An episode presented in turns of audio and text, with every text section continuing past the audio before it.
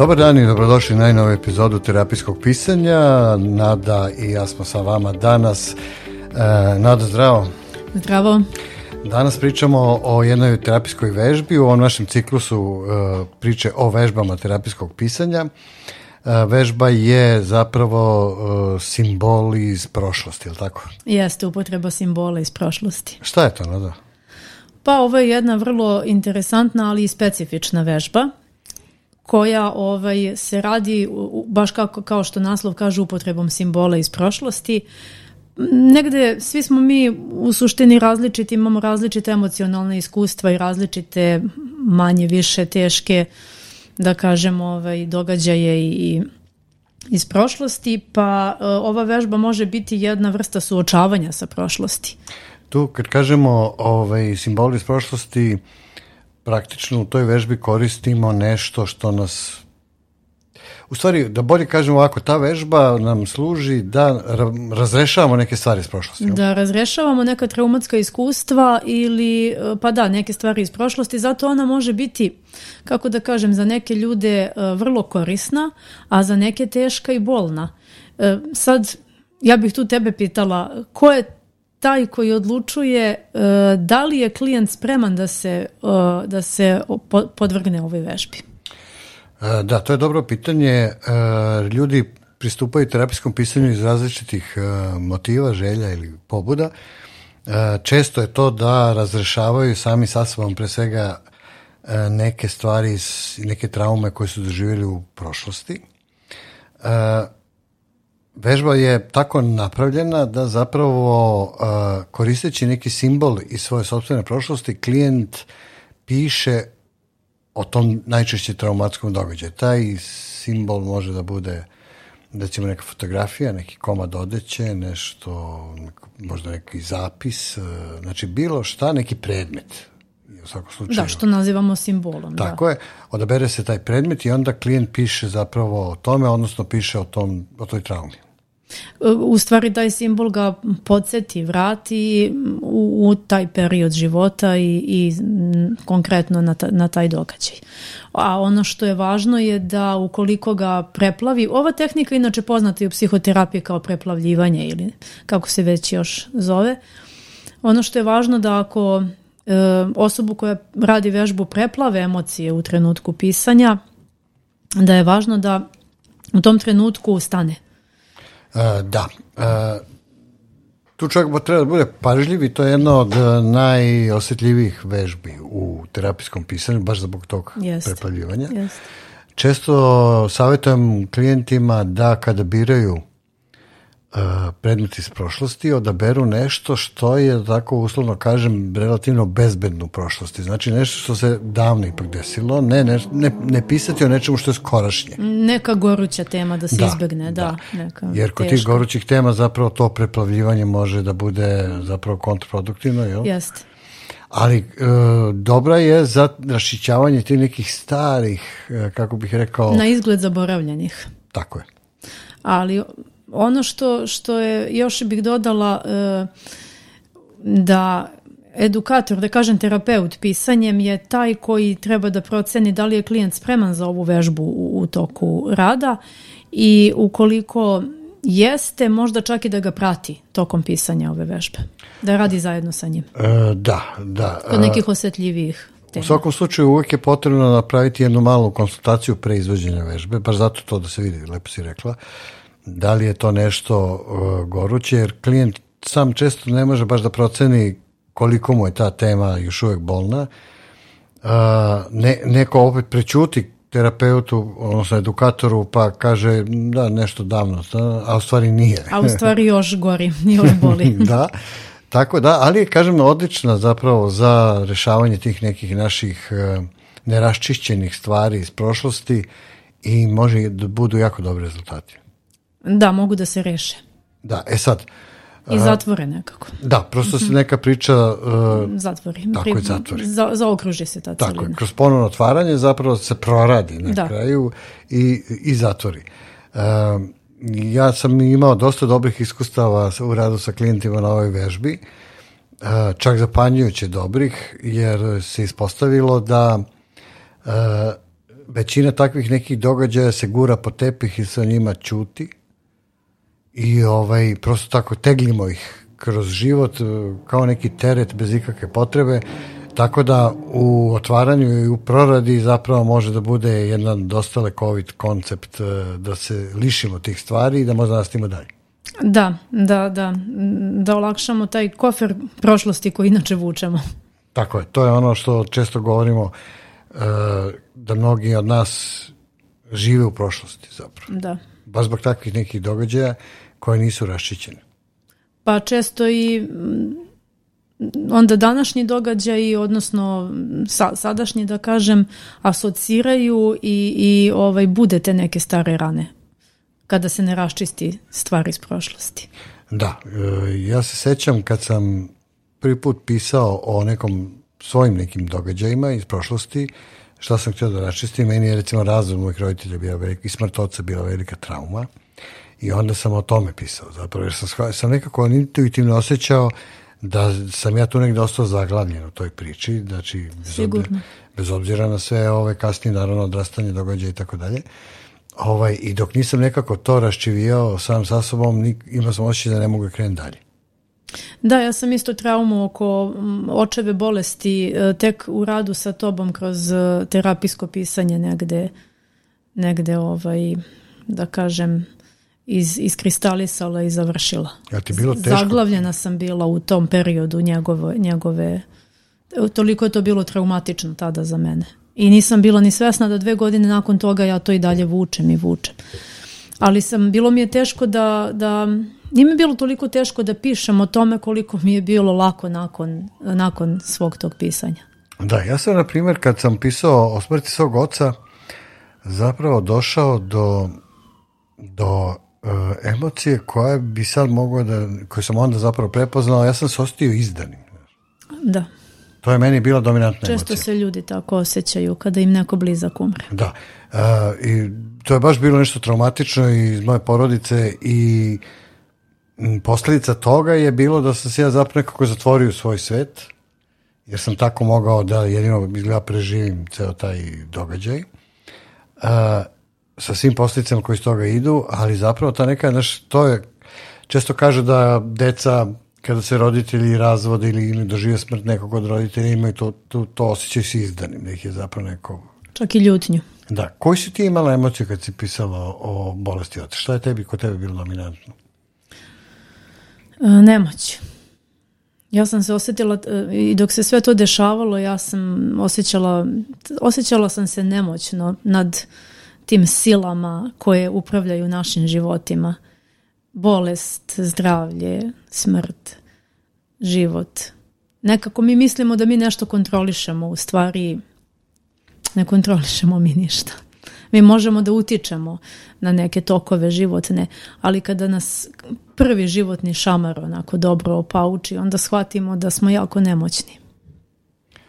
Da, to je vrlo blizak, blisko to i izdaj, naš izneverite neko. E, a, ja iz te nemoći sam osjećala ljutnju, zašto se meni ovo dešava, zašto mom ocu, zašto ovako.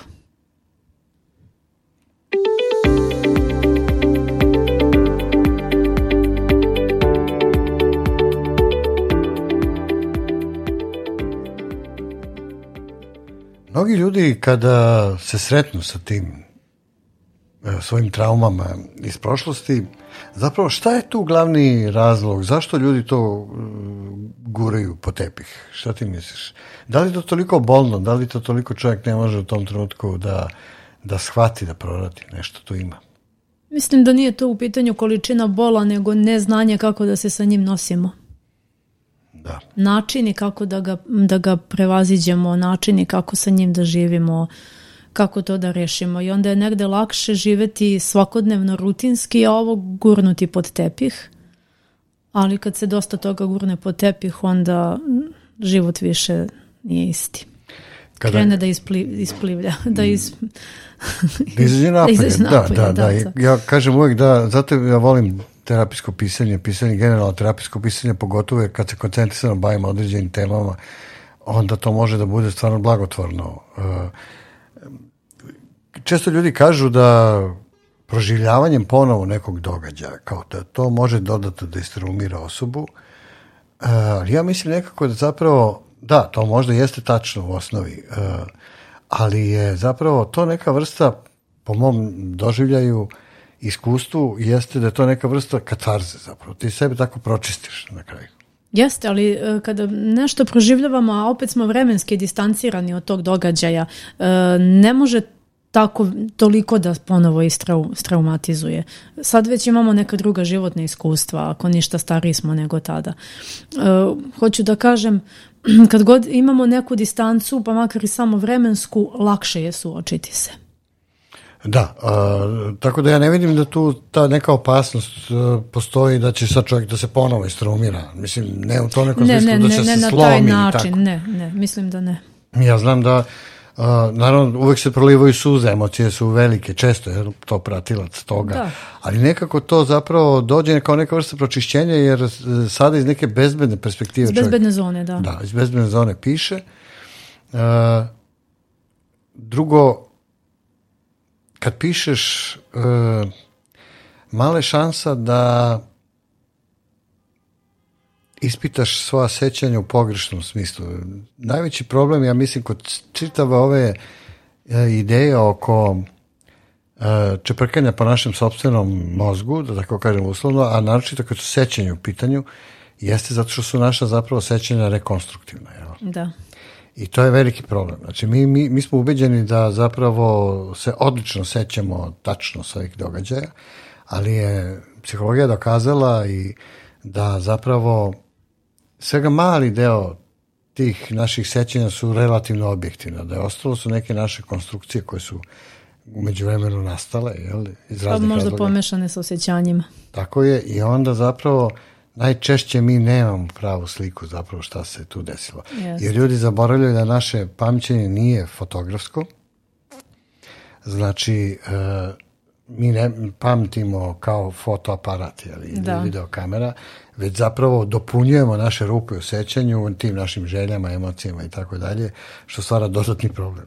Upravo zato i ova vežba e, se izvodi korišćenjem simbola iz prošlosti, jer oni nam pomažu da se što objektivnije vratimo u taj događaj. Uh, ako u pitanju majca ili ne znam šta, čak se predlaže da se pomiriše prepisanja, ajde sad pustit ću tebe malo instrukcije da daš ako samo pisanje. Pa samo pisanje se ne odvija u, u, na standardnom mestu gdje pišemo, nego se odvojimo u neku drugu sobu da bismo se baš izmakli iz tog nekog standardnog okruženja. I onda možeš i ti da objasniš evo dalje. Ali hoću da kažem, baš zbog tog sjećanja da bi bilo što negde realnije. Da, e, često kad ljudi, recimo fotografiju neku, mhm, mhm. ljudi mm tog doba, najčešće recimo to odaberu, ovaj, to zapravo pokrene taj neki niz naših emotivnih sjećanja i onda mi kroz praktično pisanje o tome počinjemo da sagledamo tu priču iz više uglova raznih. Znači, nije to sad samo naša jedna konstrukcija i to je ono što daje dobar kvalitet pisanju. Ono što je, kod meni to znači interesantno, je što to funkcioniše na dva nivoa. Na je to emotivno pa-, pražnjenje, jel? Mhm. E, i to naše emotivno sećanje koje kroz te emocije izlazi napolje, ljutnja, bes ili već ne znam šta, žal za nečim, a onda dolazi to razumijevanje, znači ta kognitivna dimenzija, te priče, jer onda kad dublje se razmišljamo o tim prohujelim događajima, možemo da ih osvetlimo sa više uglova, jel? I to je neki dobitak glavni. Da, sada to već e, prolazimo sa te distance, kao što rekoh i lakše je, nije jednako tako traumatično. Ne mora to biti ni traumatično, ja se sjećam mog pisanja simbola iz prošlosti. U pitanju je bila fotografija iz prošlosti u periodu kada su meni, u jednom turbulentnom periodu života, kada su mi bile ove pomešane, kada su mi se dešavale uporedo i lepe i neke ružne stvari. I na kraju kompletne vežbe pisanja, kada sam radila belešku o, o napisanom, e, došla sam do zaključka da u stvari je više prevladala ta pozitivna emocija i što, na koju me ta fotografija asocira na taj period. Pozitivna emocija u tom periodu. Znači ne mora biti samo neka teška trauma u pitanju. Može neki period koji smo jako, jako mm, onako eh, emotivno proživjeli koji je bio turbulentan, a, a ostao nam je i dan danas prolazimo kroz neke slike iz tog perioda, mirise, asocijacije i lepo je onda i o tome pisati, da se razjasni zašto, zašto se stalno vraćamo mislimo u taj period života.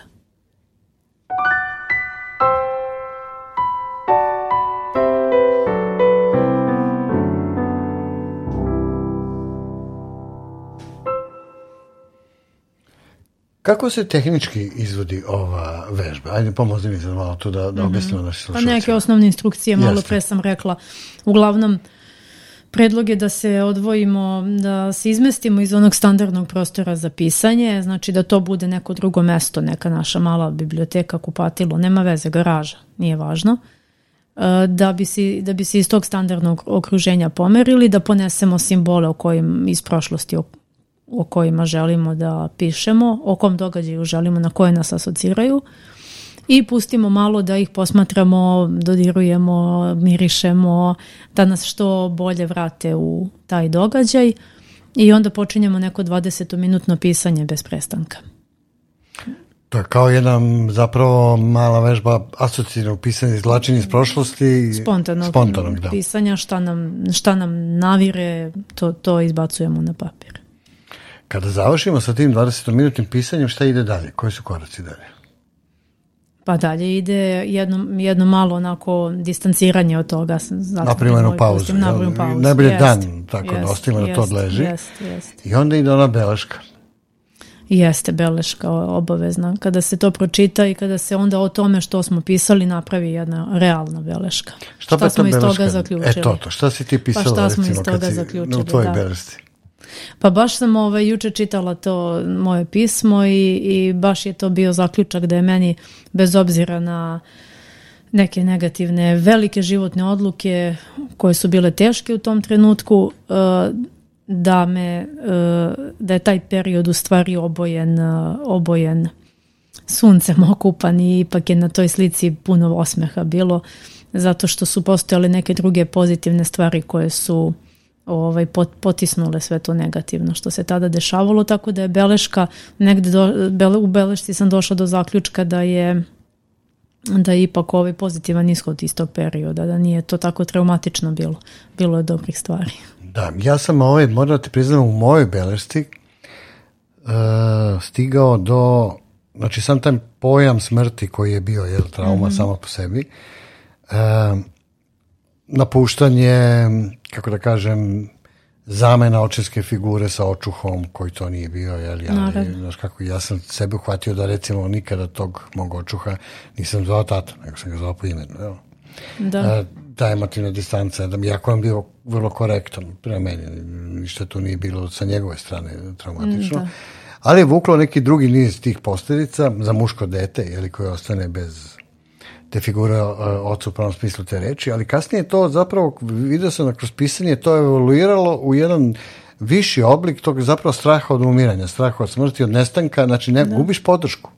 Znači neki ljudi kad klina cijeli, oni su ti tu Gubiš tlo pod nogama. Gubiš tlo pod nogama i onda zapravo se suočavaš sa tim strahom od smrti. Mm, I kad nisi klinac i mnogo stariji ljudi kod eh, gubitka roditelja osjećaju da, baš to, da su izgubili tlo pod nogama. Da, to, je, je najveća podrška, Jeste. bezuslovna podrška. Da, i onda je to, to je zapravo najveći eh, šok gdje onda čovjek mora da se zapravo nosi sa tom idejom smrtnosti. Znači, Tako I to je kako godine odmiču u životu i čovjek eh, skuplja određene iskustva. Iskustva, to su mu sve veći i veći zapravo broj misli se vrti na tu temu, to je onaj bazičan naš strah. Jel? ja često kažem, ja ne znam da li moji meda četvoronožni, oni, da li oni imaju ideju o, o, o svom kratkom životu i umiranju, to mi nagađamo, pretpostavljamo da, da nemaju. mislim da, ne. da, mi se nekako tešimo činjenicom da oni žive ovdje i sada, što valjda, ali nismo sigurni. Znači, nikad ne možemo da budemo 100% sigurni jer ne možemo da uđemo u njihov mozak. Niti ćemo biti. Niti ćemo vjerojatno biti, ne znamo ni šta biljke misle da li misle mm uopšte i onda tako, znači čovjek kad podigne to na jedan nivo, da kažemo meta nivo, znači razmišljam, ja se uvijek setim da mene je preporodila jedna beleška koju sam napisao to kad sam stigao do, te ideje zapravo straha od smrti. I vidim kod mojih mnogih klijenata zapravo je to dominantno, pogotovo kod ljudi koji imaju teške bolesti i tako mhm. dalje. E, to je da taj strah od smrti kao nekog ništavila. Kako to odiš u ništa? Znači, kao bio si neko vreme i onda u ništa. Ništa nema, da. više ništa ne stane. I onda sam zapisao jednu rečenicu koja je mene poprično uzdrmala, a onda napisao sam, a odakle sam došao? Da. Iz ništa. Iz ništa. Takođe iz ništa. I šta je onda to ništa? Jel? Da. Zapravo. I onda kad stigneš, do, paradoksalno, kad to sebi tako predstaviš, doživiš neku vrstu olakšanja, kako to glupo zvučalo, ali onda shvatiš da je to zapravo jedan potpuno prirodan deo, očigledno nekakvog višeg smisla, jel? Što bi rekla konstrakta, zar ja da umrem, kakav užas. Kakav užas, da. Pa svi se to za sebe pitaju, zar ja da Tako je. I ta vežba iz simbola iz prošlosti vrlo često može da nas odvede zapravo upravo u te vode, da traganje za smislu nekim. a šta je onda smisla ako svi dođemo ovde, tabanamo neko vreme, podemo, pa gdje su ti silni koji nisu došli iz nekog razloga. Mm, da. Ja uvijek se zezam pa kaže kad su nas pravili i majka mi smo izvukli na lutri, ali šta oni drugi koji su to bili? Oni drugi, da, ovaj, koji, koji su ostali u ništa. Koji su ostali u ništa, jeste mhm. šta je s njima. I to je onda zapravo jedna, meni je to bilo barem jedno, jedna vrsta olakšanja. Mhm. Kad sam onda postavio tu ravan, ja sam shvatio da je to onda nekako... I to mi je došlo na tu ideju da onda zapravo čovjek stvarno shvati šta je i ta ideja živjeti ovdje i sad. Tako je. To je zapravo to. Živiš sada i ovdje. Tako je. Mi ne znamo šta će biti sutra. I ne znamo šta je bilo pre nas. Tako je. I vrlo imamo sumnjiva sećanja na to šta je bilo eh, s mm. nama u prošlosti. Jel? Tako je. I onda shvatiš da je jedini smisao očigledno na prvom mestu živjeti. Jedino što znaš i ovo sad. Tako je. I ne znamo šta će se sekunda da bude. Ne. Se sjetiš kad sam ti ja pričao kako sam doživio taj infarkt oka u toku noći, nikakav, ništa, ni, ni, ništa nisam doživeo. Kako, to da zaboravim, to je nešto što se, što se prepričalo. Jeli, I kako onda to probudiš ili ljudi koji saznaju za neku užasnu dijagnozu jeli, ili dobiju tako nešto. A ovaj... Legli su bez saznanja sa tim, ustali su ujutru i dobili su informaciju, na primjer. Znači, od tog dana život se promenio. Tako i to radikalno. U dan, u sekundi. Da. I onda satiš koliko što si upravo ti rekla na e. početku, zapravo ne, mi nemamo kontrolu. Nemamo, ja sam se tako osjećala kada mi se otac razboleo, kada je doživeo moždani udar, ja sam jedan dan bila potpuno jedna osoba. Kada sam sljedeće jutro dobila vest da se to dogodilo, moj život je u tom danu mm, potpuno, potpuno se promenio i više nikada neće biti isti.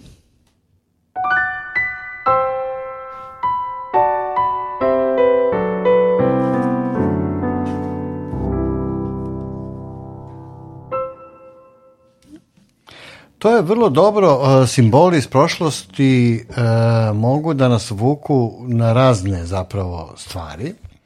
Ono što je meni jako interesantno jeste da praktično kroz tih 20 minuta, a može i duže da se piše, mi uvek kažemo 20 minuta. Tako je, da, uvek kažemo 20 minuta. to da. mi imamo pa ali generalno stvarno može... Pa e, dobro, ako bude malo ispod toga, osoba je rekla, iz, iz, sebe izbacila sve što je imala i to je u redu. Da, e, praktično e, ta neka naša bolna sećanja, a najčešće pišemo o bolnim sećanjima, jer obično onaj koje je srećan teško će piše o, o, stvarima. Može ako piše poeziju ili piše neki umetnički esej ili priče sa nekim lepim stvarima, to je okej, okay. ali ovdje govorimo zapravo o terapijskom pisanju gdje se najčešće bavimo ti nekim traumama. Praktično, ono što je dakle ključ jeste da se piše u kontinuitetu, E, bitno je da e, pišemo o tome kako je taj neki događaj uticao na nas u prošlosti i kako utiče sada. Kako sada, da. da je njegovo djelovanje sada. To je vrlo važno da povučemo tu paralelu i mislim da tako u priručniku i piše. Praktično, dakle, kako je uticao onda, kako sada, da li možemo da iz ove perspektive vidimo kako je taj događaj uticao sa nekim emotivnim i drugim aspektima našeg života, sada, recimo, i u prošlosti i sada, kako je mhm. recimo, na odnose s drugim ljudima. Da, da. Kako I je Da, i je to, kakav je odjek u sadašnjosti. se često kad ono pričamo ili kad e, razgovaramo sa ljudima na temu partnerskih bračnih veza i tako dalje, uvijek pitamo za mhm. majke, jel? Da. Kakav je taj odnos s majkom bio? Jel? Majke su dominantne pa u ima u onoj našoj seriji divnoj, nikada, nikada prevaziđeno i otvorena vrata kada Vesna Trivolić e, već nekom uzima ruku onako i kaže pričaj mi o svojoj majci. Nije to bez veze. Mislim kad god neko krene, Tako u stvari ključ je u tome negde, u, u odnosu sa, u samom detinstvu. Tako je. Tako da je to vrlo važno, znači da to iskustvo o kome pišemo, upravo to povežemo, dakle, i kognitivno probamo da vidimo i emotivno kako je to uticalo na te veze, znači, sa drugim ljudima, sa E, poslovima, s izborom poslova, karijere, mnogim stvarima koje nam se dešavaju u životu i da vidimo, da probamo da utvrdimo kakav trag je praktično e, ostavilo na to. Pored toga, ono što je e, važno za sam tehnički deo vežbe jeste da procenimo, znači Zašto je ta vežba moćna? Moćna je jer na izvestan način kroz pisanje mi to verbalizujemo, znači i za, ostavimo trag. a Da, znači- da, ova se vežba inače smatra vrlo moćnom, da. I e, ono što je bi bila neka preporuka da ako vidimo da nam je ova vežba zaista koristila, da je ponovimo. Znači, e da, to sam baš htjela da napomenem.